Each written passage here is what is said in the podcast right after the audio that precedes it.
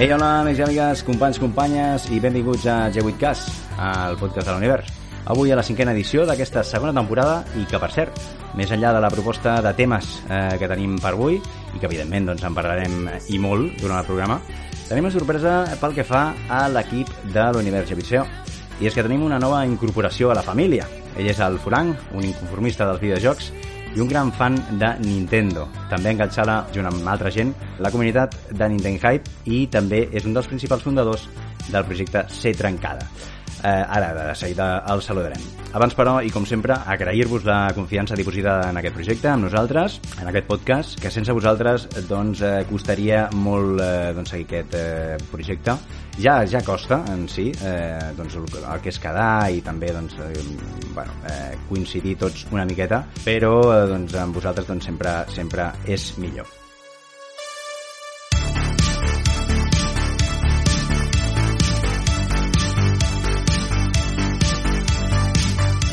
Vinga, va, passem a presentar els components de l'univers que tindrem avui al podcast.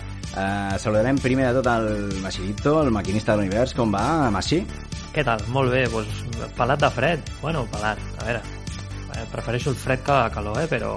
Bueno, Ah, sí? Tu te- començar tu- Dos mil... Sí, de fresca. El, el, la calor no la porto gens bé. Tu ets més de I secar, ara- eh? Eh, correcte. I ara, bueno, eh, bé, eh, potser no calia tant, però bueno, ei, vamos allà, no? Eh, frescota. I bé, amb moltes ganes, començar 2023 parlant del que més ens agrada i, i bueno, fer la xerrameca que, que ja, ja va bé. Perfecte, i seguim en aquest cas. A la meva dreta trobem el Xavi, la DH. Què dius, Fera? Com va? Ei, bona nit. Molt bé, mira, amb, amb això estic d'acord amb el Magi. Soc, soc team, team Magi amb això.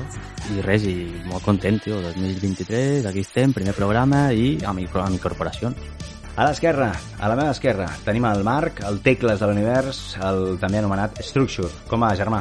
Companys, benvinguts una nit més, un podcast més i molt content de veurem què, què veurem en aquest 2023 a donar la benvinguda al Forang, al del company i a partir d'aquí som-hi, una nit més amb tots vosaltres Gràcies per l'espoiler, perquè ara just l'anava a presentar, com he avançat eh, en el, en el pròleg.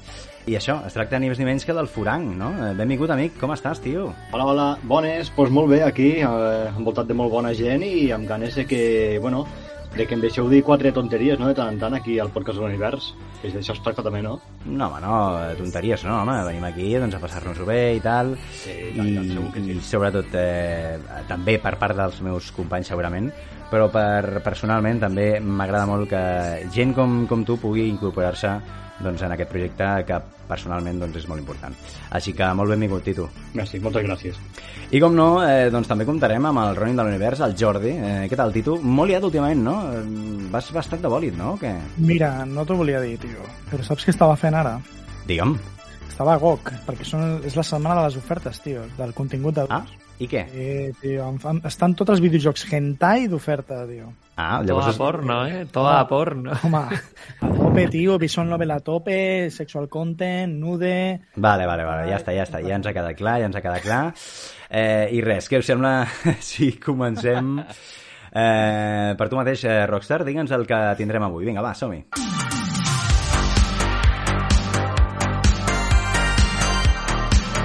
Doncs explicarem el desig que tenim cadascú de nosaltres del que esperem aquest 2023 en clau de videojocs. El Forang, per estrenar-se, ens dibuixarà els principals problemes de les stores de videojocs que hi ha actualment. I la part final del programa la dedicarem per dir la nostra sobre els jocs que estem jugant, així com també alguna recomanació. Molt bé, gràcies, Ronin. Eh, doncs eh, això, eh, comencem el programa parlant sobre el més interessant que nosaltres esperem d'aquest any 2023 pel que fa a videojocs.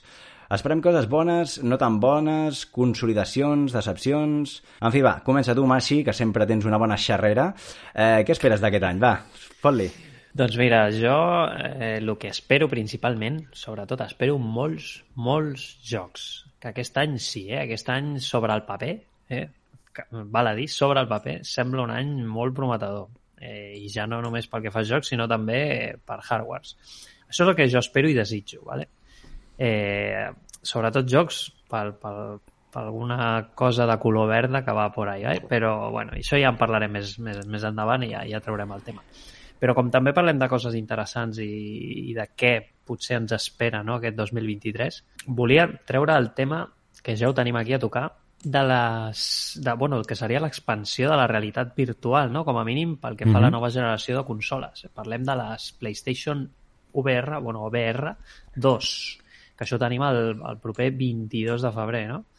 Això, doncs aquí, aquest cop eh, Sony està apostant per un dispositiu bastant més premium que l'anterior generació de, de realitat virtual, no? pel que feia PlayStation 4. Recordem que això és, estem parlant ja de 4K i sobretot un dispositiu molt més còmode. Ja o sigui, pel tema del headset com dels, dels controls àptics, que bueno, sembla que són una passada perquè té un control de vibració i bueno, tot el que han ensenyat de moment és bastant prometedor. Eh, recordem també que només té un cable USB Type-C cap a la consola, que abans eh, el, el dispositiu anterior tenies una, un aparell al costat que feia com una espècie de transformador de la senyal i mm, tenies un fotimer de cables i tot això.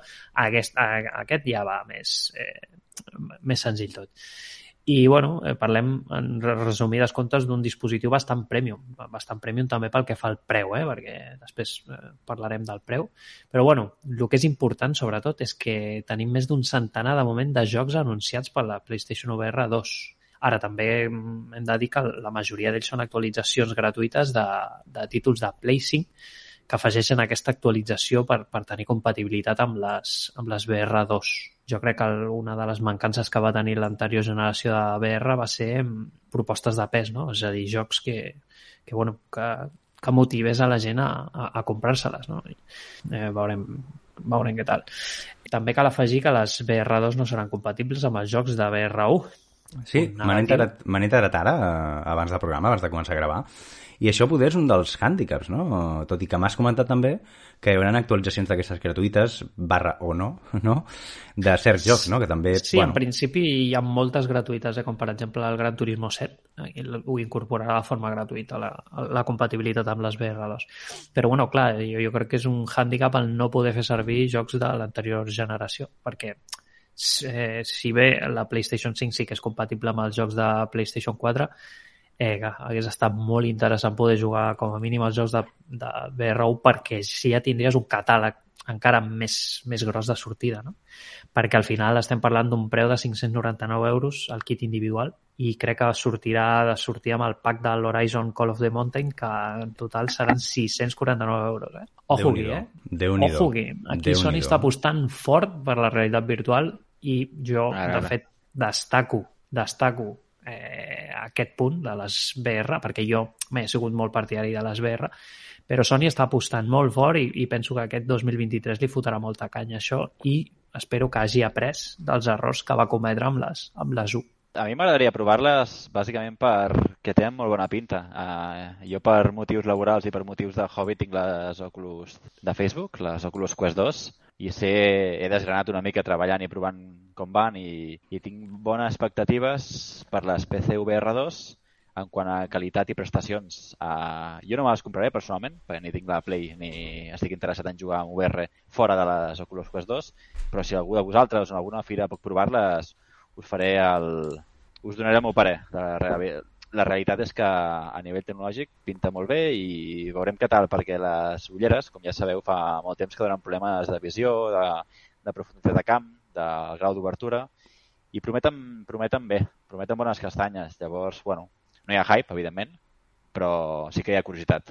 Vale, molt bé. Jo, personalment, eh, no crec que les... Bueno, anava no crec que les provi, poder sí, no? Poder hi ha algú al final que les té, me les pot cedir, o jo vaig a casa d'algú, o vaig a alguna, no sé, alguna conferència o el, o el que sigui, bé de saber el que sigui en un futur.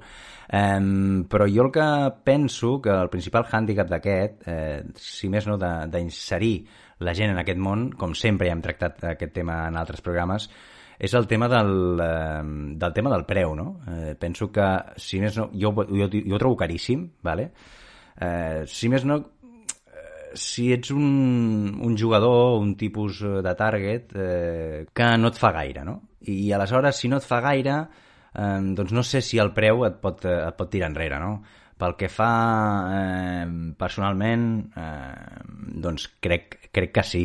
Eh, no sé si el Furanc, per exemple, has tingut algun tipus d'experiència amb les VR o, o et faria gràcia provar-les? Mm, La veritat és que no he tingut mai contacte, si bé que és un món que, que és interessant de, de saber-ne i d'investigar-lo i tal, però no he tingut mai contacte i no crec que en tingui, sobretot pel que comentàveu del tema preu i també sobretot pel tema del catàleg de videojocs, perquè estava fent una ullada aquí al blog de PlayStation i sí que és veritat que tot el que tenim anunciat ara mateix són el que comentava el Maggi, actualitzacions de jocs que, bueno, que ja se sabia que, que tindrien la, la compatibilitat amb VR i que ara amb, la, amb les VR2 doncs, tindran la potenciació aquesta, no? Mm, estic fent una, una ullada, per exemple, al No Man's Sky, que és un videojoc que li pots mm, fotre perfectament les hores que et doni la gana. Mm -hmm. I clar, no sé si la compatibilitat amb les ulleres eh, pot ser com, com un augment no, de, la, de la qualitat d'aquest títol, perquè si ja li has, li has fotut tantes hores, no sé si eh, estaràs disposat a fotre-li unes quantes més amb les, amb les ulleres. Llavors, no ho sé. Eh, també veig que el, el Village, el Resident Evil, eh, no ho sé, el Gran Turismo, el Tetris, el Tetris Effect Connected, clar, que són jocs que són de moltes hores Mm -hmm. i, clar, no sé si gastar-se 500-600 euros amb, una, amb un article nou serveix com per, com per justificar la seva compra, saps què et vull dir? Jo, jo no, era molt, no era molt partícip de, de comprar-ne les, les, les VR de qualsevol tipus de màquina, no? Però a la primera, quan van fer aquell llançament que venien cinc jocs i la van deixar com un preu, no sé si van ser 160 euros o 170 euros, me les vaig pillar i em va semblar molt, molt interessant, no? Havia desenvolupat fa temps, eh, quan vaig fer un màster en 3D de programació de videojocs i tal, un joc en, per les Oculus, i, i clar, fins a dia d'avui no havia tingut la sort de poder-ne jugar com a tal. I va ser divertit. Els jocs que vaig poder tocar em van agradar, van ser guais. Aleshores, clar, 500 euros, o 550 em sembla que eren, que és com una màquina nova, no? Eh, no sé si els val, però quan el rebaixin a la meitat o una mica menys de la meitat, doncs potser pot ser interessant, no? Mm -hmm. Suposo que amb el temps doncs, aniran baixant i serà el moment de fer-se amb elles. Vale, doncs eh, un cop ha quedat clar el que pensem la gent de l'univers sobre les noves VR de, de Sony, de PlayStation, li donaré la paraula al Xavi perquè digui ell, en aquest cas, eh, quina són o quina és la primera cosa que espera d'aquest 2023. Pues mira, per començar, eh, m'agradaria que es minimitzessin el, al màxim els retrasos, tio. Això m'agradaria molt. Mm. És a dir, jo ja passo ja... M'és igual els títols, m'és igual les plataformes, si bé, eh, totes en general, eh, és això. Si és algo que s'ha de s'hauria de començar a mirar ja més seriosament. De fet, hi ha estudis no? que, ja, que ja ho estan, estan promovent ja el tema de, de no treure cap mm, tràiler o cap info abans de abans d'hora, no? O, o que, o, l'altre dia, per exemple, va ser... Eh, qui va ser? Crec que va ser el... Bueno, el de Naughty Dog, no? El Dragman, no? Mm. Neil Druckmann, sí, Neil, sí. Això, Neil, ah, això, pues això va dir que el pròxim títol que no tindrien cap pressa, que no volen començar a fer hype com han fet anteriorment, no? I, i crec que això és, una, és una que haurien de fer totes les companyies ja, perquè els últims anys n'ha anat molt de, molt de mare, tio, molt de mare el tema d'anunciar coses que, no, que ni han sortit i moltes s'han cancel·lat. Saps? Llavors, eh, bueno, és això. Eh, és impossible que no, que no passi, però sí que m'agradaria que de cara al 2023 mm, minimitzar el tema aquest de, dels retrasos i d'aquest hype innecessari de títols que després acabem veient aquí. Jo Sí, sí. vull dir una cosa, vull dir una cosa, que és que no sé si sabeu, però el 2022 va sortir el Xenoblade Chronicles 2 i no va, no va patir un retard, sinó que el van avançar. I no només el van avançar, sinó que en comptes de tenir un downgrade, va tenir un upgrade. O sigui, tot al revés, eh? O sigui, és gent Sí, que, sí. que va néixer... Bueno, anava a dir... El... Bueno, és igual, anava a dir una tonteria. Digues, segueix, segueix, segueix, Rockstar. No, no, no, era això, era això, que dels pocs jocs que han avançat ja el llançament i, i que a sobre, doncs, doncs el van millorar i em sembla, em sembla curiós, no? una anècdota curiosa en el mercat d'avui en dia. Sí, sí, eh, tampoc... No sé si dir, hòstia, són un exemple per a la indústria, que segurament que sí, però, clar, a fil i arrel del que diu el Xavi, el que estaria bé, no?, eh, així ras i curt, és que ho anunciïn quan ho estiguin realment a punt de treure, no?, tot, el contingut i tots els títols, i això, doncs, només això, demanant això, ja estaria, ja estaria molt bé. Masi, eh, què vols parlar? Doncs respecte a el que comentava el Xavi, jo crec que ja hi ha empreses que s'han adonat una mica d'això, no? que ja no ven tant aquest sub, generar super mega hype, eh, sinó que està començant a generar mm, decepcions generalment perquè jo no sé si pel fet que els jocs ara tenen uns desenvolupaments més llargs o corren més riscos de ser cancel·lats o coses així, perquè per exemple Microsoft aquest any ha optat per un nou format de d'ensenyar de, jocs, que és el Developers, bueno, és com que fa, crec que aquesta setmana, demà, i, i bueno, parlaran del més recent i de lo que ja tenen oficialment eh, a, a curt termini anunciat. ¿vale? I jo crec que bueno, ja han canviat una mica l'estratègia perquè Microsoft era molt de fem un E3, ho diem tot, fotem una parrafada de eh, una hora 45 minuts ensenyant jocs sense parar i després si surten bé i si no també, saps? I això ja sembla que ja no cola. Mm -hmm. Llavors jo crec que hi ha un canvi no? d'estratègia. Està començant a canviar una mica la cosa. Si fan events així més curts, pues, eh, jo prefereixo, eh, també. Sí, sí, tant. Eh, cal dir que estem gravant aquest podcast eh, avui dia 24 de gener del 2023. És a dir, demà, si no m'erro, eh, demà dimecres, que avui estem a dimarts, eh, faran aquesta conferència de Xbox. Per tant, si la gent, doncs, eh, suposo que això sortirà el divendres o el dissabte d'aquesta mateixa setmana, que no es posi les mans al cap i és que encara no sabem eh, doncs, eh, de què anirà la cosa. Però segurament, com diu el meu company eh, el Carlos, doncs anirà per aquí, no, el tema, que sortiran les coses específiques que pròximament doncs, sortiran per la plataforma Xbox, en aquest cas. Eh? Um, més cosetes, més cosetes sobre el que esperarem aquest 2023. Li passo la paraula al senyor Structure. Aviam, 2023, ja sabeu que jo vinc amb ganes de, de tecnologia i buscar i desgranar una mica més el que seria fora dels videojocs, ja que no soc tan jugador com vosaltres, i aporto el meu granet de sorra. Llavors, aquest últim any s'han creuat diverses notícies referent a Apple amb altres empreses i és que va passar una cosa a, a, a, al tercer trimestre del 2022 i és que es veu que ja sabem el motiu de, del veto d'Apple cap a plataformes de gaming com Xcloud de Microsoft, Nvidia GeForce i el que seria l'antic Google Stadia, i és que s'ha trobat una patent de la companyia d'Apple, mm. des de Califòrnia, que parla de la seva pròpia plataforma de núvol per jugar. Ep. Vale? Que estaria fora del que coneixem ara com, per exemple, Apple Arcade, no? Seria una altra cosa diferent, no? O poder seria un complement, no? Això no ho sabem, però sí que seria un producte a part. Suposo mm -hmm. que Apple Arcade s'eliminaria o es faria o es fusionaria, això no ho sabem. Conjuntament amb aquesta notícia, al cap de tres setmanes va aparèixer una notícia que Apple treia els seus Mac Mini portàtils, no? les seves caixetes, uh mhm. -huh. amb els nous processadors M1 Pro i M2. Fins aquí correcte. Vull dir que si Apple surt amb un servei de streaming més el seu petit Mac Mini, que podria ser una consola, uh, i faltaria un mando, justament Nvidia, al cap de dues setmanes, uh, treu la notícia que estan treballant amb la incursió de Ray Tracing i l'Nvidia DSLR, el Deep Learning Super Sampling, per als xips ARM d'Apple. I totes aquestes notícies, no, a nivell periodístic, van donar a entendre que Apple està entrant amb més força el 2023 amb el tema gaming. No només amb arcade, que ja sabem que Apple guanya molts diners amb arcade, més del que moltes productores de videojocs voldrien, però que es fiquen al món del hardware. I són rumorologia, però tot coincideix en que s'estan treballant i s'està tirant endavant. Ah, molt bé, molt bé. O sigui, aquí tenim uh, un uh, insider, no? Com és el senyor Structure, no? Una mica. Ara, conya, si, si més no, uh, estem tractant això com un rumor, però, però clar, uh, això vol dir que ell, doncs, poder en aquest 2023, doncs, espera quelcom semblant, no? Uh, per part de la gran empresa nord-americana que s'endinsi d'una vegada i per totes doncs, en aquest món gaming, no? Uh, com, com ho veuries tu personalment, eh? Amb els teus ulls, que a vegades eh, personalment ho han parlat i tal, i, i més, més enllà del, del hardware, que tu eres bastant escèptic, eh, doncs sí que sempre m'has comentat doncs, un tema doncs, com una mena d'Apple Arcade barra Stadia, perquè ens entenguem, però més, més ampli, no? Sí, correcte.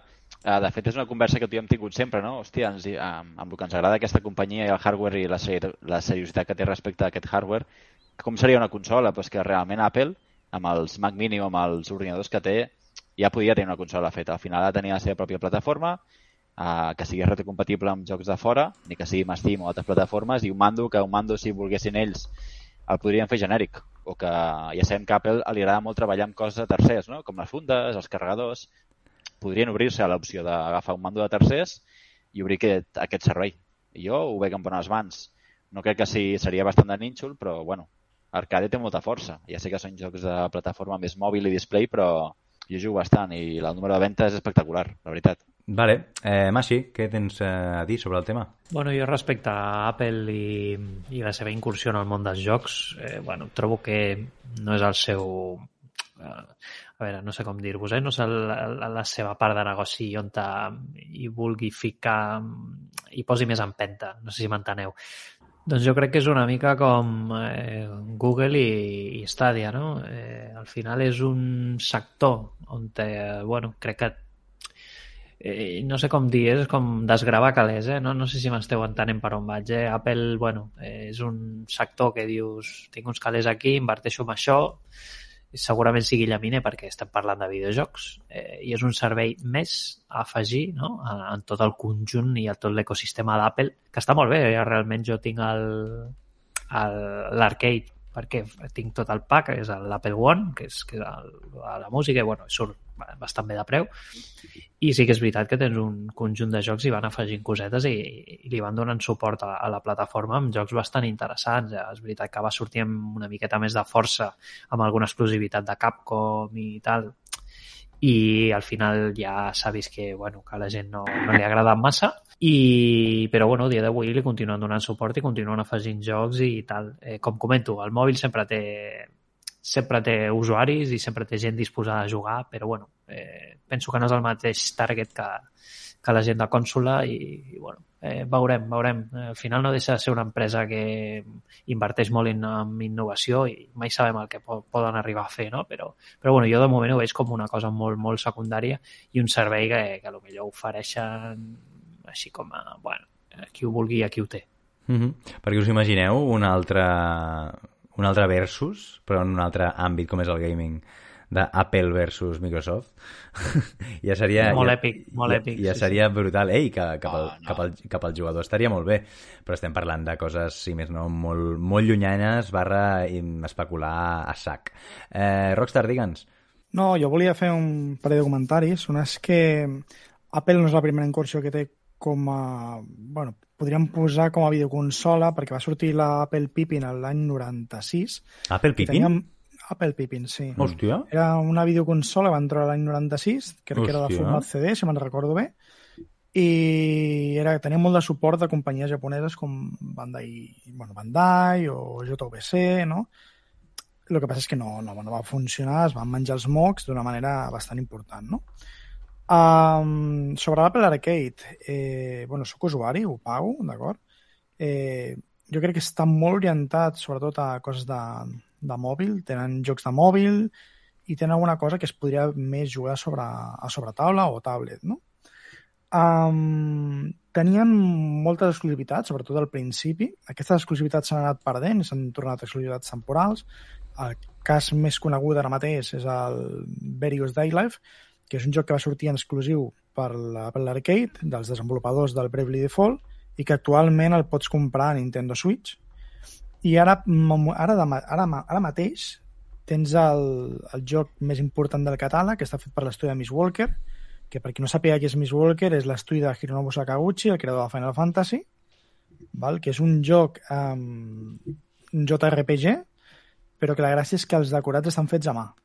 mm -hmm. Són decorats a mà i, i bueno, el model està en 3D. ah.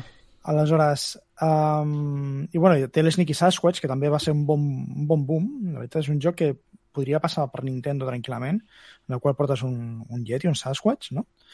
I, i bueno, fan el, tenen el seu mercat, no? Al final tenen el seu nínxol de mercat. Jo ja et dic, eh, l'utilitzo bastant per als jocs de mòbil i tot això.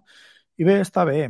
Um, aleshores, bueno, d'aquí a treure hardware de, de gaming, pues no ho sé, però alguna cosa més de, de l'arcade, pues, potser, no? De fet, ja fa molt de temps que es rumiava de fer alguna gaming, com 5 anys, no?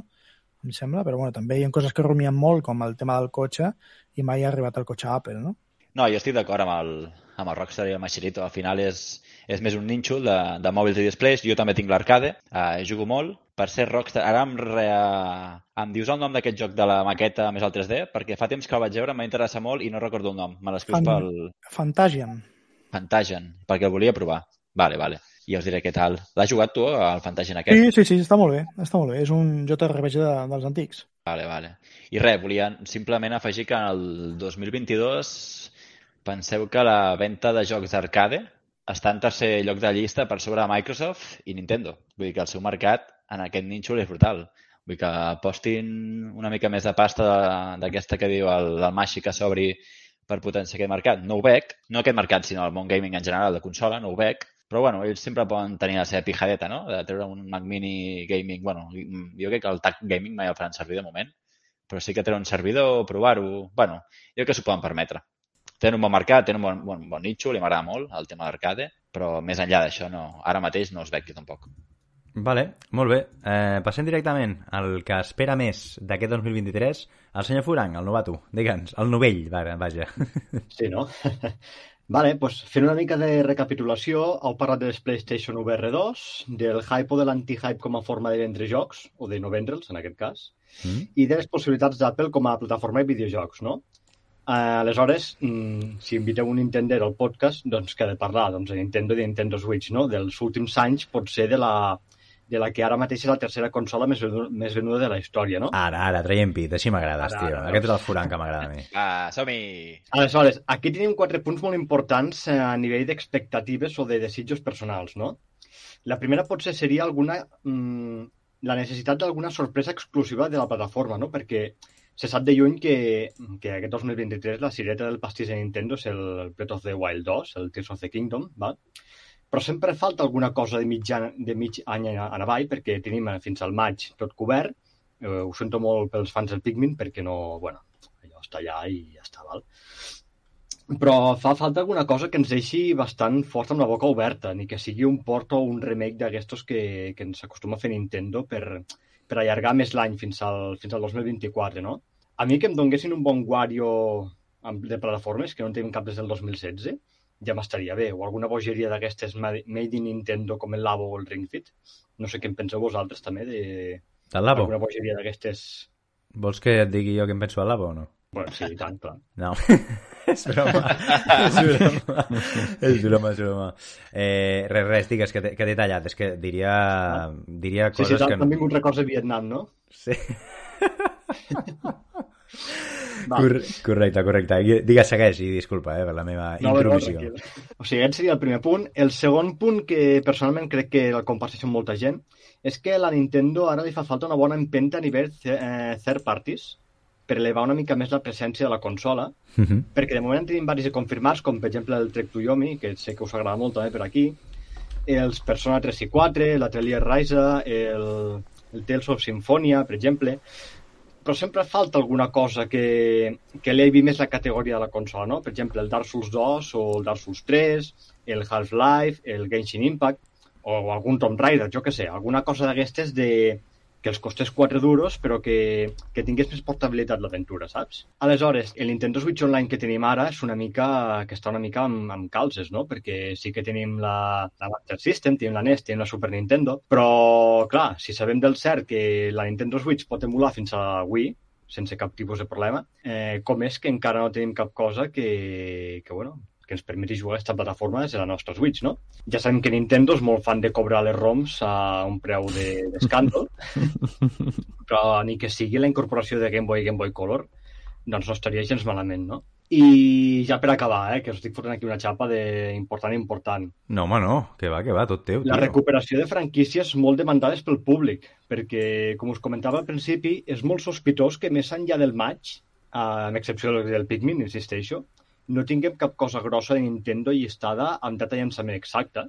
I penso que seria un bon moment per tirar un Metroid Prime Trilogy, per exemple, o alguna cosa de l'E- de l'F0, o alguna altra cosa com el Wind Waker o el Twilight Princess per a la Switch, o alguna cosa per l'estil. Mhm. A partir d'aquí ja us tiro la pilota a vosaltres i opineu. Una cosa, Furang. Digues. Eh, eh, Switch 2 no, no? O sigui... no, això Bueno, no... si vols divaguem d'això, però jo crec que no, eh? Tu creus que no, eh? O sigui, la patata de calenta de la nit, de moment no la treus tu, eh, Furang? Va, A veure, jo penso que la Switch 2, eh, recordeu que si fa uns mesos va filtrar una, una edició especial de la Switch OLED amb la temàtica del Tears of the Kingdom. Mm. Vale? Si agafem aquesta informació com a real, personalment no conec cap canvi de generació de consoles de Nintendo que hagi implicat una, que una consola anterior eh, hagi rebut una edició especial.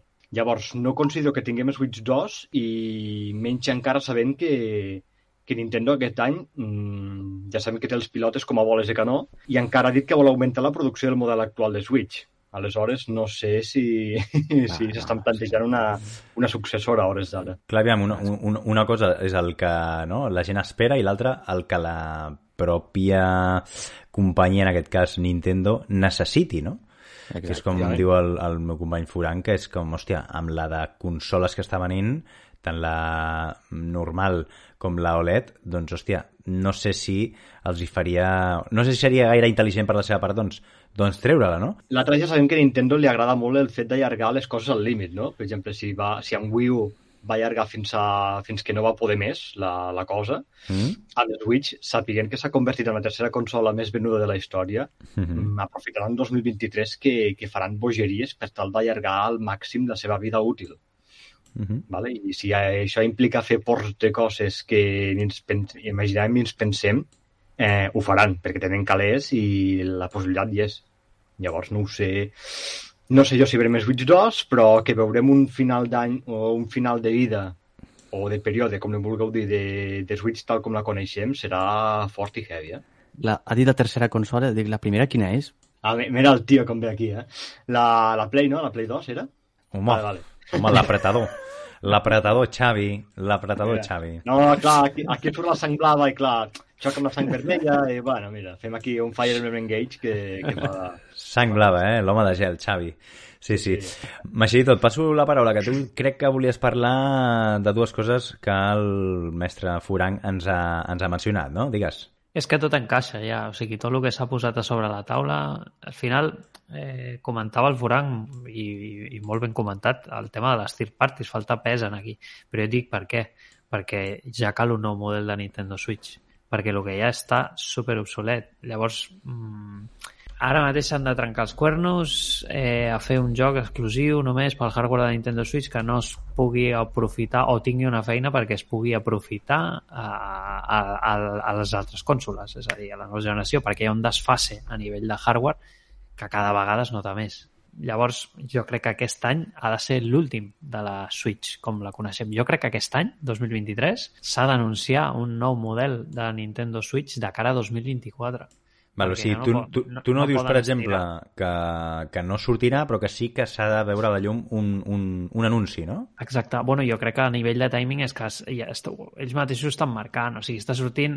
Sempre acaba la generació... La generació passada va ser amb un, amb un Breath of the Wild. Eh, ara sortirà la continuació del Breath of the Wild i aquest haurà de ser intergeneracional per al nou dispositiu de Nintendo, evidentment. Llavors eh, eh, van treure, si no m'equivoco, va ser al maig. Ells- En, en les consoles de Nintendo surten a princi- primer trimestre d'any. O sigui que jo entenc que de cara a mitjans d'aquest 2023 o finals han d'anunciar un nou model de Nintendo Switch i, i treure'l de cara a 2024. Jo ho tinc molt clar, però perquè és que a nivell de hardware ja ho necessita. Ja no tens ni... Hi ha, hi ha moltes third parties ja no estan del teu costat. Però que empresarialment no té, no té sentit, tio, és que no té sentit. O sigui, empresarialment no té sentit. Però jo, jo ho entenc, eh? O sigui, jo també voldria un altre hardware i tal. Però no és que jo ho vulgui, és que al mercat has d'anar amb, amb el que... Però és que el mercat, és que el mercat és que no pare de vendre, tio. O sigui, el Bueno, mercat diu una altra cosa, saps? O sigui, Clar, no, però no para de vendre...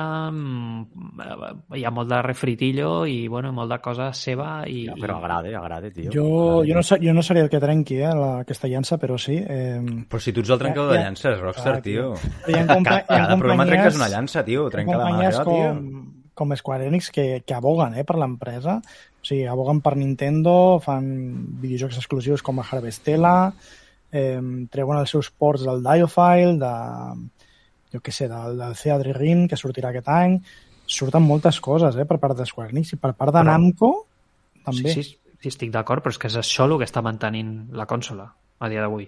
Perquè ten, eh, mig Square està desenvolupant només per Nintendo. Uh, jo no crec que Nintendo es- estigui esperant per vendre l'últim packaging i l'últim cartró de la, de la fàbrica. Jo crec que Nintendo, la consola, no la té dissenyada, però està a punt de...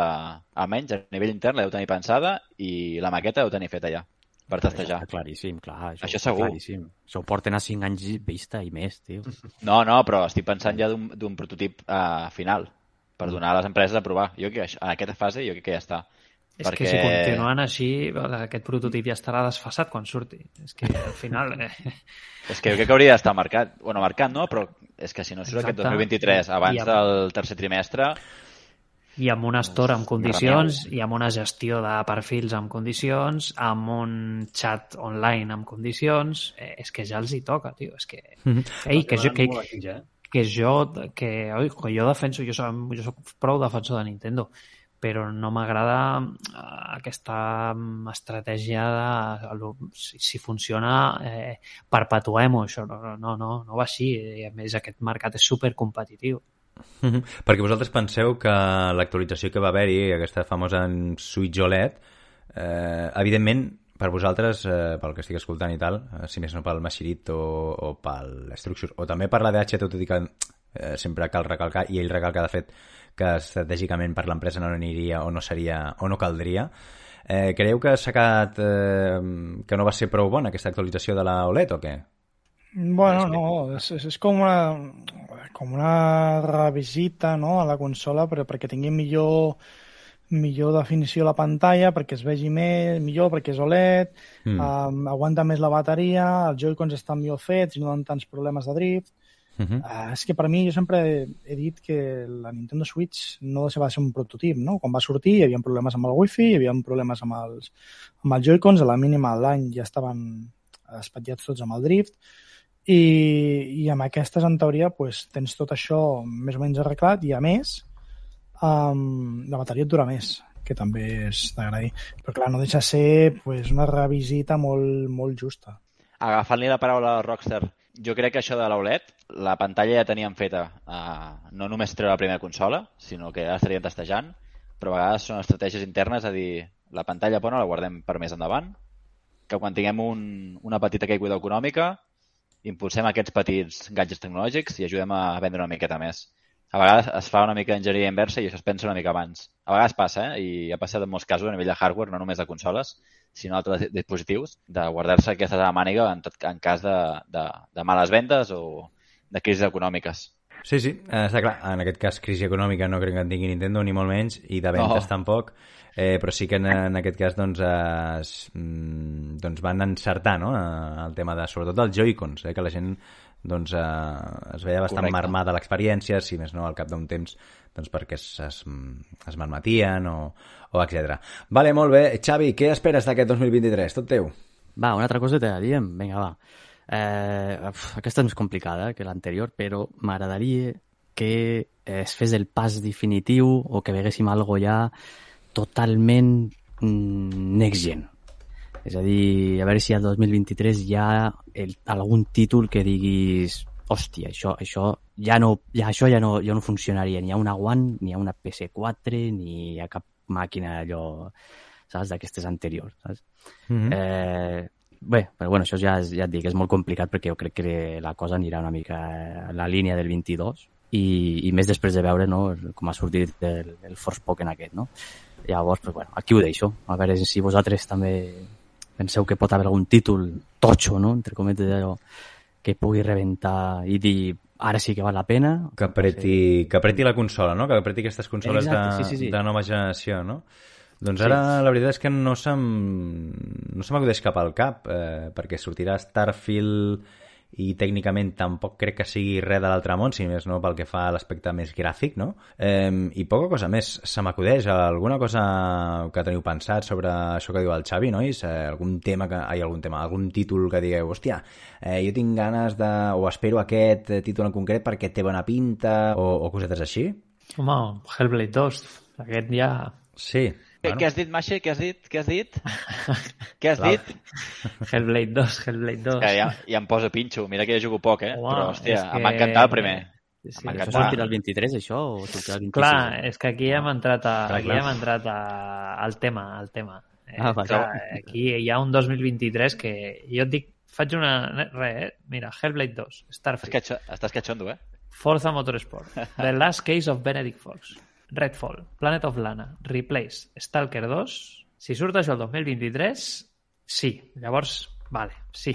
Llavors serà No, un però- 2023 com el que... Clar, però parlo de jocs que diguis hòstia, ara sí que valia la pena gastar-se 600 euros o, els que valgui ara, 500 i pico, Home, eh, a, a, a veure la consola. A veure, jo Sí. crec que Starfield jo crec que Starfield ho valdrà, però ja no, com deia el Geri, ja no per un apartat gràfic abrumador, hi ha més aspectes que, et poden, que es poden treure suc de la next gen. Eh, jo crec que Starfield, amb tot aquest conjunt que està per veure, eh, que això ho han promès, però hem de veure tots aquests, no sé quants eren, eh, planetes que hi havia a, a Starfield. No sé, infinitat, una sí, sí, sí, que, que, no sé. puguis No, era molt, era visitar molt, i quin era molt. contingut hi trobaràs a cadascun d'aquests planetes. Veurem, però pot ser un bon joc per sorprendre, perquè al final si diuen tot el que... O sigui, si al final es fa realitat el que, el que han dit d'aquest joc, home, a part que és el, la punta de llança de Microsoft d'aquest 2023, Mhm. penso que, que pot estar curiós.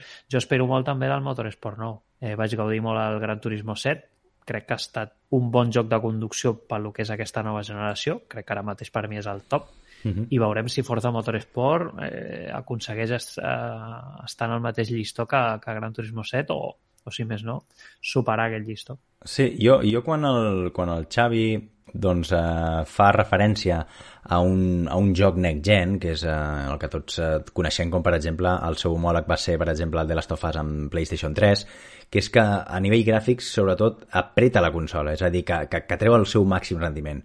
Jo crec que el 2023 no ho veurem, no ho veurem, però jo, em, jo també veig eh, això així, no? No sé si el, motor, el Motorsport eh, 7 eh, doncs, eh, doncs serà d'aquest estil, que poder sí, que poder sí, però més és, saps, com per exemple, doncs, no sé si l'Stalker també, per exemple, l'Stalker que està eh, doncs, amb el nou motor aquest, l'Unreal Engine 5, doncs poder sí, no? Eh, a nivell de partícules i de coses que estan passant in-game, sobretot, que no siguin cinemàtiques, o l'encavalcament de les cinemàtiques d'aquestes tan realistes amb in-game, doncs, doncs no sé si l'apretarà també, no? Eh, volia dir alguna cosa també al Francesc. Sí, a veure, personalment no tinc cap joc que ara em vingui a la ment així de que exploti les capacitats d'alguna consola o algun dispositiu. Simplement comentar que, a veure, ara estem molt amb, amb Unreal Engine 5 i que de- des, de la seva, des del seu llançament d'aquest motor gràfic fins que la gent sàpigui fer-lo servir al 100%, passaran potser un anyet o, o un parell com a moltíssim, perquè amb Unreal Engine 4 ja va passar, mm. que no vam començar a veure coses realment impressionants fins que la gent no es va acostumar al seu motor, va començar a saber-ne les com anava per dins, etc etc. Sí, sí. Aleshores, eh, 2023, potser amb Unreal Engine començarem a veure alguna cosa molt hiperrealista, perquè segur que teniu molt presents aquelles imatges que es van fer virals fa temps de- d'una estació de metro així amb molta il·luminació que van córrer per Twitter, vale? que estaven fetes amb Unreal Engine 5. sí. D'aquí a que tinguem algun videojoc així, mm, pot ser tardarem, però que ho acabarem veient seguríssim. Sí, sí, jo, jo em referia a aquestes coses, no? Jo també segueixo algun, sobretot a Instagram i a, i a Twitter, eh, artistes que fan servir doncs, el motor aquest d'Unreal Engine 5, que també ara passaré a la paraula al Marc a l'Structure, que ens en farà 5 cèntims sobre el tema, i que realment veus coses impressionants, no? Eh, doncs jo em refereixo a això, no? També, al, al que és un joc next gen que podem veure, a què? és a dir, això plasmat, però en un videojoc, no? que estiguis pràcticament jugant i que diguis, hòstia, tio, si això és real, nano, si estic eh, aquí eh, doncs, doncs, doncs apretant realment el hardware que estic jugant, no? en aquest sentit. Marc, digues. Sí, sí. Ah, hi ha diverses coses. Ah, l'Unspoken no, no havia sortit com un joc una mica així més revelació a nivell tecnològic? Hi ha hagut, un downgrade, eh? hi, ha, hi ha hagut un downgrade super heavy, tio. El, el Sí? Forspoken, eh? El Forspoken, vols dir tu? Sí, sí, sí. Sí, correcte. Sí, es veu que hi ha hagut un, un downgrade bastant heavy. Jo Però recordo que l'altre... veu que, que el joc tampoc és tan, tan xungo com es, pen, com es pinta, eh? Que hi ha hagut una mica de mente colmena, que li dic jo, no? De- D'una plana important que li ha fotut molta canya i aleshores la penya s'ha sumat al carro, perquè el joc ha canviat bastant des de la demo Mm. i tot i que hi ha el downgrade es veu que el joc és bastant bé entretingut. Potser no és un joc de 8, o, però és un joc de 7. Sí, Sí, que... això malauradament passa molt, eh? Això que comentes de la colmena. O sigui, que s'encomana com que és una merda que al, al final a nivell mediàtic penalitza molt mogollon això. Jo també he estat seguint aquest joc. Uh, he estat veient eh, un, durant un parell de dies, eh, aquests dos últims dies a Twitch, i al final el resum és això, no és un mal joc. No, no és un mal joc, però tampoc és un gran joc. Mm. O sigui, al final és això. I al final Penso que quan tu puges el llistó dels jocs a 80 euros, eh, Esperes aquí una ja cosa és com... Exacte. És, aquí ja, és, entre cometes, ja estàs dient a 80 euros jo tot el que et vendré serà la bomba. I, bueno, aquí ja... Eh, cuidado. I penso que és el tema... Jo penso que aquest joc, quan baixi a preu, eh, el jugarà més gent. Sí, sí, uh, està clar. Uh, Structure, i acabem. Sí, re, respecte al que deia el francès d'aquest vídeo al metro, aquest és un, un artista, un usuari que es diu a YouTube, es diu Sam Ken, i realment aquest treball que va fer és espectacular, perquè és un treball que està executat, és un treball, una escena per executar en PCs d'alta generació. Vull dir que d'aquí a, a, a fer nivells i executar-ho amb consoles estem a, a uns quants anys vista. I respecte a un, un joc de Next Gen que segurament haureu escoltat parlar, jo hi estic ficat de fa dos anys, que sortirà és a l'Star Atlas. És un criptojoc en el qual jo he fet una inversió, m'he comprat quatre naus i jo tinc la demo ja de fa mig any, que la van penjar pels usuaris, i a nivell de Next Gen eh, és espectacular. Sí? També fa servir l'Unreal Engine, el motor aquest, o què? Per mi, del que vist de videojocs, que jo que he provat la demo és espectacular. Per mi és, lo... Mm. és com la demo de Matrix jugable, diguéssim.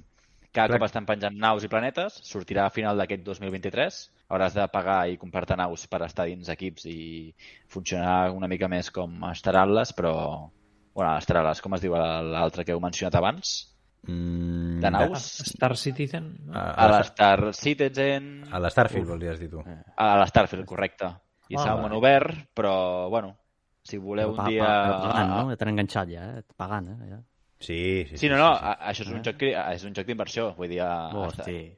és per guanyar capital també, eh? Jo ja fa un any que estic ficat, vull dir, he guanyat capital, poquet, però és més per l'interès tecnològic d'aquest tipus de plataformes i un dia, si voleu, així offline o en directe, el provem, la demo, i és espectacular. Aquí sí, Sí. que per mi és una experiència que ja és next gen total, evidentment requereixes de- d'un PC de- d'alta generació o d'última generació, i bueno, és una experiència al final, més que res. Sí, sí. El tracte de, mo- de monedes, amb monetització i tal, doncs això ja seria poder una mica més...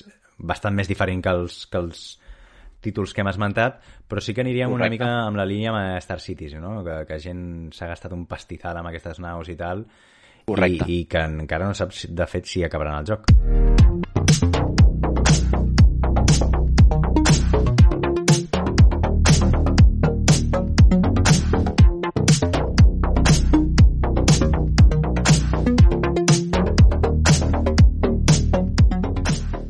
Ara, per això, passem directament al següent tema de la nit, que ens el presenta el Furang eh, en aquest primer tema que ell encapçala, que és el tema de les stores i els videojocs, vale? i els seus constants i ja coneguts problemes que sembla que per una banda seran eterns i per l'altra doncs, que els creadors tampoc volen corregir, no? Doncs tot això eh, ens plasmarà el senyor Francesc. Vinga, tot teu. Doncs queda molt clar que el futur dels videojocs, a no ser que canvi tot moltíssim i aparegui una altra, una altra era de gran esplendor pel format físic, eh, passa per nassos pel format digital i no és una cosa que sigui nova d'ara ni li sorprengui ningú. Socialment hem canviat molt la tendència a l'hora de, de quan, on i per què tenim i volem tenir les coses. I els videojocs, lògicament, s'hi han vist afectats directament. Abans la pertinença a la compra d'un videojoc físic implicava una sèrie de passos que avui dia les noves generacions no estan disposades a dur a terme perquè s'ha imposat molt la llei de l'aquí i ara. Que potser m'equivoco, eh? ja m'ho corregireu vosaltres. El cas és que l'existència de videojocs en format digital implica directament l'existència d'unes botigues digitals on comprar-los, valgui la redundància, no? Cada gran companyia disposa de la seva pròpia botiga, Nintendo té la Nintendo Shop, Sony té la PlayStation i la PlayStation Store, Microsoft té la Xbox té la Microsoft Store, Valve té Steam, etc etc. val? Però els aparences acostumen a enganyar i les promeses d'una plataforma en línia on adquirir els nostres videojocs preferits de vegades es veuen tapades per una sèrie de contratemps que fan que l'experiència del jugador o jugadora sigui més aviat neutral. Val? Amb la Nintendo Shop, per exemple, resulta impensable que en ple 2023 de vegades haguem d'esperar gairebé 10, 15 o 20 segons perquè la plana principal carregui nou simples jocs d'un llistat de les categories que tenim a la, plage, a la pàgina, no? O que una cosa tan, tan simple, o que ens sembla tan simple com un llistat de videojocs desitjats, no ens avisi en cap moment de quan un producte baixa de preu, per exemple. amb aquesta premissa us passo a vosaltres la pilota i per veure què en penseu i com podem ampliar aquesta secció de desastres eh, tecnològics relatius a les botigues o stores digitals. Va, Personalment, i, sí, ja, jo tinc poc a dir en aquest tema, perquè tinc poca, poca trajectòria en el tema de les stores, però sí m'agradaria m'agradaria esmentar dues, dos problemes que he tingut, o, o sí, diguem problemes barra, doncs, eh, sí, perills eh, que tinc a l'hora de poder, jo què sé, poder tirar la consola o el PC per la finestra. I és, una em va passar amb Epic, eh, que estava jugant jo al Prey, i no sé per què no se'm carregava la partida. Vale? Això poder no és de l'estore de videojocs d'Epic, però sí és de la pròpia plataforma, ja que vaig estar indagant així una mica, i és que Epic doncs, passava una cosa doncs, semblant a que mm, tu carregaves el joc, la partida normal de Prey, i era pantalla en negre. I això ho feia perquè era el backup que se't generava quan se't generava el backup d'Epic, vale, des, de la, des del propi ordinador, passava això. I això li passava a molta, molta gent. I, i clar, no? vosaltres quan, quan busqueu coses d'aquestes, sobretot per, per l'ordinador, per Google i tal, eh, només que tu, només que no et passi a tu ja estàs tranquil, no? Però clar, llavors el que vols fer és seguir jugant aquest joc, cosa que m'impedia totalment. Bé, no sé per què d'un dia per l'altre doncs, eh, vaig buidar aquesta, aquesta, aquest caché i vaig poder jugar eh, fins que ho vaig descobrir però bueno, es veu que hi havia gent que ho buidava i tampoc podia, podia fer-lo fer, córrer. I per l'altra banda, doncs el tema de l'estore de Xbox, que, cony, no se'm carreguen tots els jocs. O sigui, hi ha vegades que sí, hi ha vegades que no. O sigui, em poso jo que sé, Game Pass, per exemple, i tarda la tira i estic amb cable i no hi ha vegades que no se'm carreguen de les ofertes. Són les... Ja, o sigui, això, per exemple, m'ha passat poder un 15% de les vegades que he entrat a, al catàleg de, eh? Vull dir que tampoc és per, per fotre el crit al cel, però que sí que és un impediment a l'hora de que sigui fluid tota aquesta experiència doncs, amb les stores i tal. Eh, Mateatge, digues. Ah, mira, no, jo només puc parlar de, de les stores de les consoles, perquè de PC no, no en tinc ni idea, suposo que amb això el, el Mashi o, o l'Structure en sabrà més, no? Però sí que és veritat que, per exemple, de la... si analitzem les, de les que tinc, no? Xbox, PlayStation i Nintendo, de la de Nintendo, a mi, per exemple, a veure, no sé si estarà d'acord el Furan, però a part de la lentitud, no? que ja ho ha dit abans, eh, és increïble la, la, la quantitat de, de morralla que arriba a tindre la, la store de, de Nintendo, tio. O sigui, és, és, a mi em sembla molt curiós la de jocs que se'ls hi colen allí bueno, no sé si se'ls hi cola o no sé quin sistema utilitzen per, per eh, penjar els jocs, però jocs xunguíssims que no són ni, no arriben ni a qualitat de, de mòbil, tio, ni, vamos, no sé, a mi, a mi em té això molt... Eh, ho trobo molt curiós, vaja, que es colin tants jocs tenint, que tenint Nintendo que té sempre el segell, no? Estàvem acostumats molts anys de, de, del segell Nintendo, no? I, i vaja, se'ls hi cola molta morralla, tio. I mm. de la store de Microsoft a mi mm, em fot nerviós perquè, primera, els menús és, mm, és com navegar, tio, al Windows 98, tio. O sigui, trobo que té molts apartats innecessaris, que, que sobre, sobre moltes coses d'allí, de, de, de, dintre de, de, de la interfície que té, que crec que l'han de redissenyar, o això van dir, no sé si és veritat o què, però bueno. Està de camí, no diuen? Està de camí, no? No ho sé, és que ho vaig llegir mm. fa, fa temps, eh? no sé si és veritat o què. I després la turra que donen amb el Game Pass és increïble. O sigui, l'altre dia, per exemple, em va passar que volia comprar, volia comprar un joc. Mm, hòstia, vols comprar un joc? Sí, sí, el vull comprar, saps? I era el, el Vampire... Sí, no, és que no, ho dic perquè hi ha molta gent que, oh, hòstia, vas a comprar un joc d'Xbox? Sí, vull a comprar un joc d'Xbox, tio. Ben fet, I era el. Vampire, el, mica mica. el Vampire Survivor, sí? que em va recomanar el Rockstar. Uh -huh. I, i res, tio, el volia pagar i no tenia, no tenia el Game Pass activat i dic, bueno, el compro perquè val 4, 4 euros, me'n recordo, si eren 2 euros o no sé quant. Eh? I, hòstia, una mica més i desisteixo. O sigui, el vaig a buscar, et surt el joc i ja, el primer avís ja et surt, eh, està el Game Pass. I jo, bueno, vale, està el Game Pass, però el vull comprar, senyor, eh, continuï, val? Entres al joc, eh, sí, clar, entres al joc i torna a dir el mateix. Surt un altre cop l'avís de... Oh, I diu, hosti, un altre cop que... No, no, a veure, eh, senyora, deixi'm el braç, o sigui, que el vull pagar, de veritat. Deixi'm el braç. No, clar, és que et fiquen amb, amb una tessitura, tio. Llavors, quan decideixes entrar, et surten dos quadradets i un és el del Game Pass i al costat el de pagament, però predeterminat et surt el del Game Pass, eh? Uh -huh. O sigui, per clicar el predeterminat és el de Game Pass, tio. I dic, a veure, Dic, hosti, de veritat que és una mica... No sé, vaig riure però per no plorar, saps? De dir, bueno... Sí, sí. I, i de la... I a veure, ja aquí serà una mica pipero, no? Però, però és veritat que l'estore de, la, de PlayStation per mi és la que és amb disseny i velocitat i amigable i navegació per mi és la que està millor avui dia. Sí, per seguir la teva línia i, i que tampoc crec que tingui gaire a veure amb l'estore de PlayStation, vas tenir un problema, no un problema, però sí una cosa molt liosa, que crec que al Massi també li va passar amb el tema de l'estore, eh, és, més és amb el Call of Duty al Warzone, d'acord? Que és com, vale, vull aquest senyor, eh, em descarrego només el gratis, però després et venien dos i després semblava que m'estés eh, descarregant també el comprat. Llavors un cop te'l descarregues, que són un tou de gigas, et, et, et fa triar a veure quin és, quin, quin és el que vols realment un altre cop. I és com, no, no, senyor, només vull el Warzone, no vull el, el, el comprat, no? que ara no sé com es diu, no, no, el, el Modern Warfare o algo així, no, no recordo com, com es diu. No sé, bueno, algo així. Total, que jo volia jugar només al gratis. I estaven encaparrats en fotre'm dins el pack, si més no, a, a nivell de descàrrega, per després si el vols activar o no, doncs tot el pack del Call of Duty. I és com, no sé, saps? No sé si és problema del Call of Duty o problema de l'estore de Sony. Però és veritat, i ara m'has fet en recordar, que també vaig tenir aquest problema amb la- de, de PlayStation. Així que, que bueno.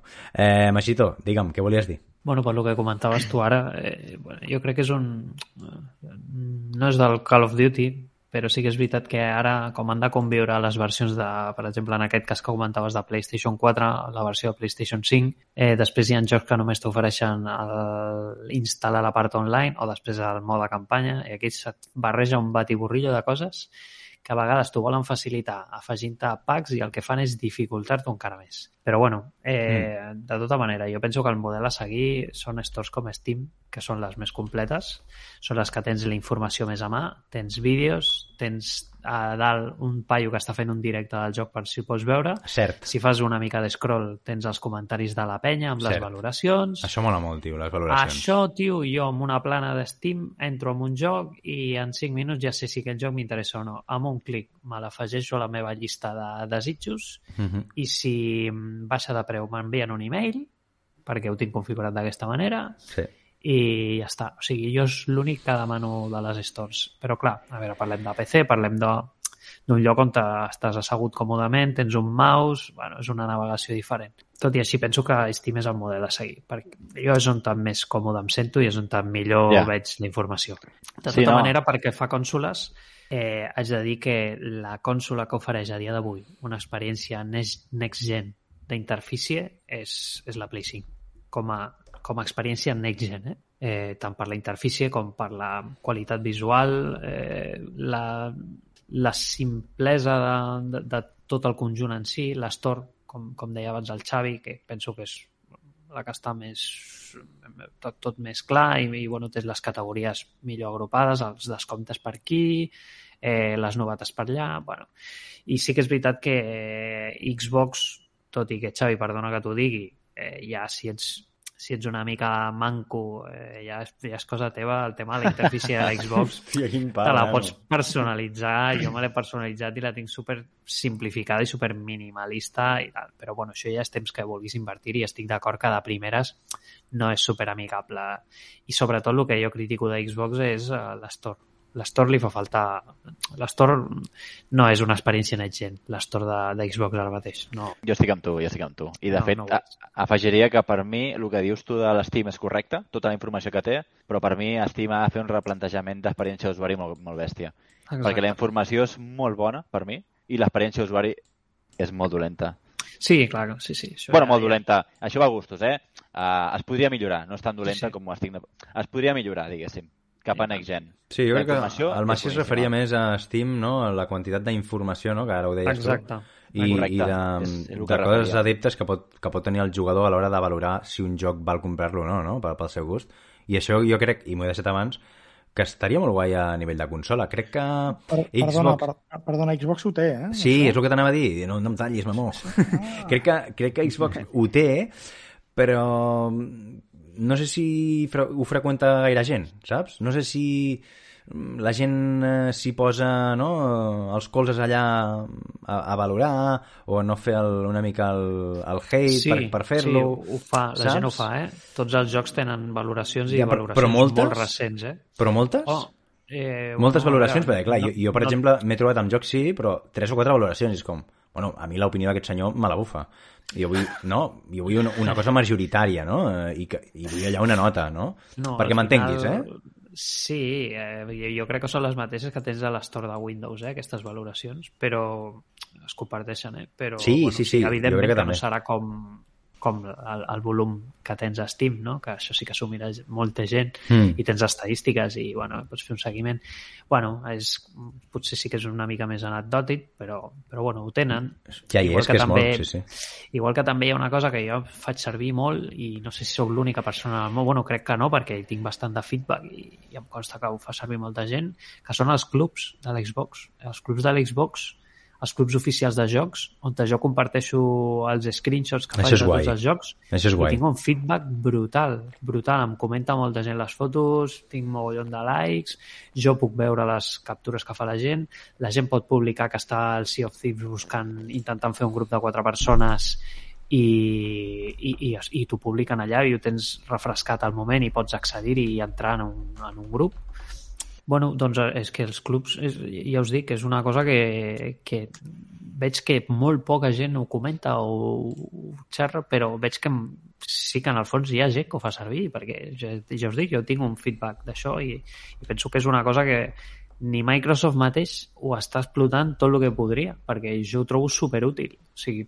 que puguis trobar gent eh, publicar coses d'un joc, les mateixes, per exemple, Rare amb el Sea of Thieves publiquen els seus clubs de, de, dels jocs o, o del Forza Playground eh, publiquen novetats dels jocs i screenshots i, bueno, no sé, trobo un lloc en comú on te, on te pujar contingut, ja sigui per trobar gent per jugar com per, per, per screenshots. I després, l'últim, Nintendo. Nintendo jo crec que té un problema amb el pas dels anys. O sigui, jo crec que Nintendo amb l'Store eh, han de fer un pensa, però ja havien d'haver fet un pensa fot anys, perquè sí que, bueno, al final pots afegir-te a la teva llista de desitjos i fer una compra, evidentment, si, eh, més o menys bé, però superlenta. Eh, em sembla vergonyós quan fan els descomptes, és a dir, ofertes, la categoria d'ofertes, que tinguis 2.000 jocs i hagis de fer scroll cap a baix No pots filtrar? Sobre, sí, pots filtrar, però no és una, un filtrat molt acotat. Pots filtrar per preu, per joc més nou eh, i poca cosa més. Llavors, clar, eh, Hi hòstia, ha, hi ha un greu problema amb això, que també, és que quan tu fas scroll cap a baix i va carregant, va carregant, va carregant, arriba un moment que triga moltíssim a encarregar les coses. clar, és que ja tens en catxer Sí, sí, Clar, és que al final la Switch eh, clar, eh, té un límit i, i la catxer que estàs carregant en aquell moment ja quan, quan portes 15 o 20 scrolls és que és per fotre't un tret perquè després si t'equivoques i tires enrere sense voler, ja de l'has cagat. O sigui, m'hagis començar. de tornar... És que jo, des, vamos, és que prefereixo mirar-m'ho a la web de Nintendo, a l'estore de, de, via web, que des de la consola, perquè em desespera la consola. Sí, sí. Vale, va, remata, eh, Francesc. Simplement comentar que, de les opinions que hem recollit aquí una mica i tal, eh, és curiós que estiguem tots una mica d'acord que les plataformes que estan més destinades a PC, de videojocs, són potser les més intuïtives i les més eh, properes amb el, amb el consumidor, no? I, Total, correcte. i que és molt curiós que encara ara no hi hagi hagut ningú que hagi fotut un cop de puny a la taula i hagi dit, vale, jo això ho trasllado a consola perquè l'usuari que tingui més, bueno, que tingui més costum de jugar a consola tingui una experiència similar a, pues, a navegar en una plataforma com, bueno, de, de comprar jocs de- d'ordenador, no? Això una cosa que volia reflex- reflexionar. I l'altre, el tema de la morralla que dieu que hi ha a Nintendo, que jo crec que això ho podem Ui. tallar aquí i agafar i deixar per un altre programa perquè ha de tenir una tela d'investigació i això que, que, que ens, ha de, ens ha de deixar amb el cul torçat. D'acord, doncs, apuntem. doncs ens ho apuntem pel pròxim pel pròxim podcast, o si més no, pels propers, pels propers podcasts. Vinga.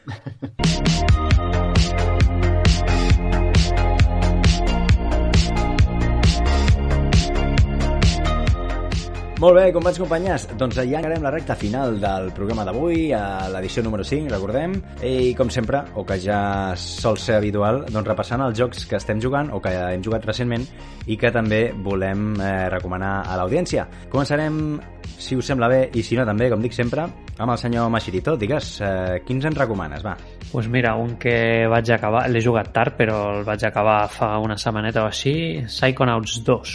Molt, molt, molt, molt, molt recomanat. És, bueno, suposo que ja sabreu que és un plataformes que està en el Game Pass de la Xbox, però també està eh, és multiplataforma, està a altres cònsoles, però crec que van fer la vaina de, de que la versió 4K només està a Xbox o alguna així. Em Sí. sona Ah, sí, una sí, cosa sí. així. Vale? Hòstia. Eh, un plataformero molt xulo, amb una història molt madura que tracta els problemes mentals d'una manera molt, molt, molt, molt aconseguida eh, amb unes mecàniques superxules eh, o sigui, és plataformero però tens una evolució i unes mecàniques que m'han fet no poder parar de jugar a aquest joc i no em passa amb totes les plataformes eh, tècnicament és molt xulo i com us deia narrativament super, super, super guai. I, i per mi és un joc rodó. Eh, té, una durada de, entre unes, depèn del que vulguis. Eh, si ets molt col·leccionista però entre, em sembla, unes 15 a 18 hores, més o menys. Mhm. i, i molt xulo, molt xulo. Eh, us recomano moltíssim. Molt bé, eh, Rockstar, digues. Bé, jo, jo vaig acabar l'Stray, però no vull parlar de l'Stray perquè ja hem parlat molt de l'Stray. El mes passat veu parlar massa de l'Stray, amb la qual no vaig parlar, no parlarem de l'Stray. Massa Parlaré- o molt? Massa, parlar. massa, sí, tu massa, creus? Massa, sí. Bueno, Bueno. per això ja ho parlarem, ja ho parlarem, d'acord? Sí. I us vull fer 5 cèntims del Live Alive. Ah, És un remake de d'un joc original de la Super Famicom que no va, no va sortir a Occident, es va quedar al país nipó i que m'ha semblat molt interessant perquè són eh, 8 històries les quals eh, cadascuna té un gameplay i una narrativa diferent i que després tot s'enfila una mica com amb l'Octopath, no? I els portem a tots junts. I m'ha semblat molt interessant, molt gaudible. Eh, és un joc que jo crec que per la gent que són nonats o, o, bueno, o volen començar a jugar als, als JRPGs, doncs és totalment accessible. Així que jo si he de recomanar un JRPG per començar, un és aquest, de veritat. molt guai, perfecte. Seguim més cosetes, més títols que estem jugant i que volem recomanar. En aquest cas, eh, Xavi, digues. Mira, jo us recomanaré el Fist Forgetting Shadow Torch. És, eh, L'he jugat fa no gaire i és un Metroidvania, Metroidvania perdó, perdó, amb 2D i, i la veritat és que molt bé, molt bé, pels, pels que sigueu amants del gènere. Que us aquest és el conill, no? Exacte, el conill Ah, que, vale, que vale, té un, vale. un braç robòtic. saps? bona, bona, bona, bona. Doncs, eh, genial. O sigui, si t'agrada el gènere, eh, rotllo, pues això, no? Els típics, eh, el Metroid, el Hollow Knight, etc. Eh, in, in, imprescindible, imprescindible. Sí, perquè són, aquest el tinc en llista a l'estore de la Play des de, abans de que sortís. Doncs de cap, de cap perquè jo vaig agafar l'edició col·leccionista que la teniu per menys de 30 euros, si busqueu una Mhm. mica, amb oferta menys de 30 euros, està molt bé, està amb steelbook preciós, enganxines i tal, i el joc està, és preciós, o sigui, els escenaris, tot molt ben recreat, eh, apenes he trobat mm, problemes tècnics, o sigui, per, tot i ser un, un estudi xinès nou, apadrinat per Sony, eh, gairebé no té, no té problemes tècnics ni res. I eh, del gènere pues, no innovem res val? no us espereu aquí innovació amb el món del Metroidvania però el que fa, ho fa molt bé. Llavors amb això és suficient pel, pel que sigui amant de, del gènere.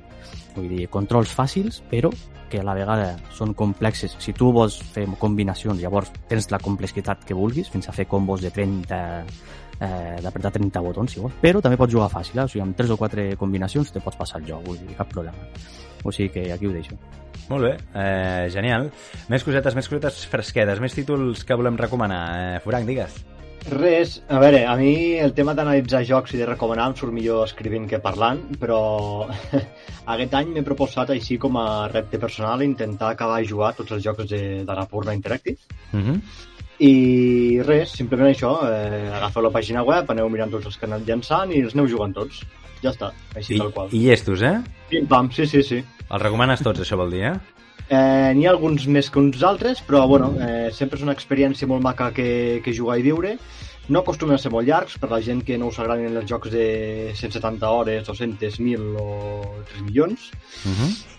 Vol dir que amb un parell d'horetes, 3, 4, algun de 10 o 15 els tindreu tots fets Ah, bé. i, i ja està, vull dir, poqueta cosa més a dir. Tots tenen un missatge a transmetre molt, molt pròxim, molt, molt personal, molt intern i bé, sempre acostuma a estar bastant bé de preu a qualsevol plataforma que els busqueu, sempre eh, innoven bastant a nivell de jugabilitat i de forma de transmetre les imatges. Ja està, poca cosa més a dir. Aneu buscant i aneu-los gaudint. Vale, perquè, per curiositat, eh? a, què, a què estàs jugant ara? Ara mateix estic... Bueno, joder, clar, clar, contrasta bastant. Estic jugant als de, als de Telltale de Walking Dead. Ah, ah, tots, no els havies jugat encara. No els havia jugat, sóc així de raro i no. Els estic jugant tots ara.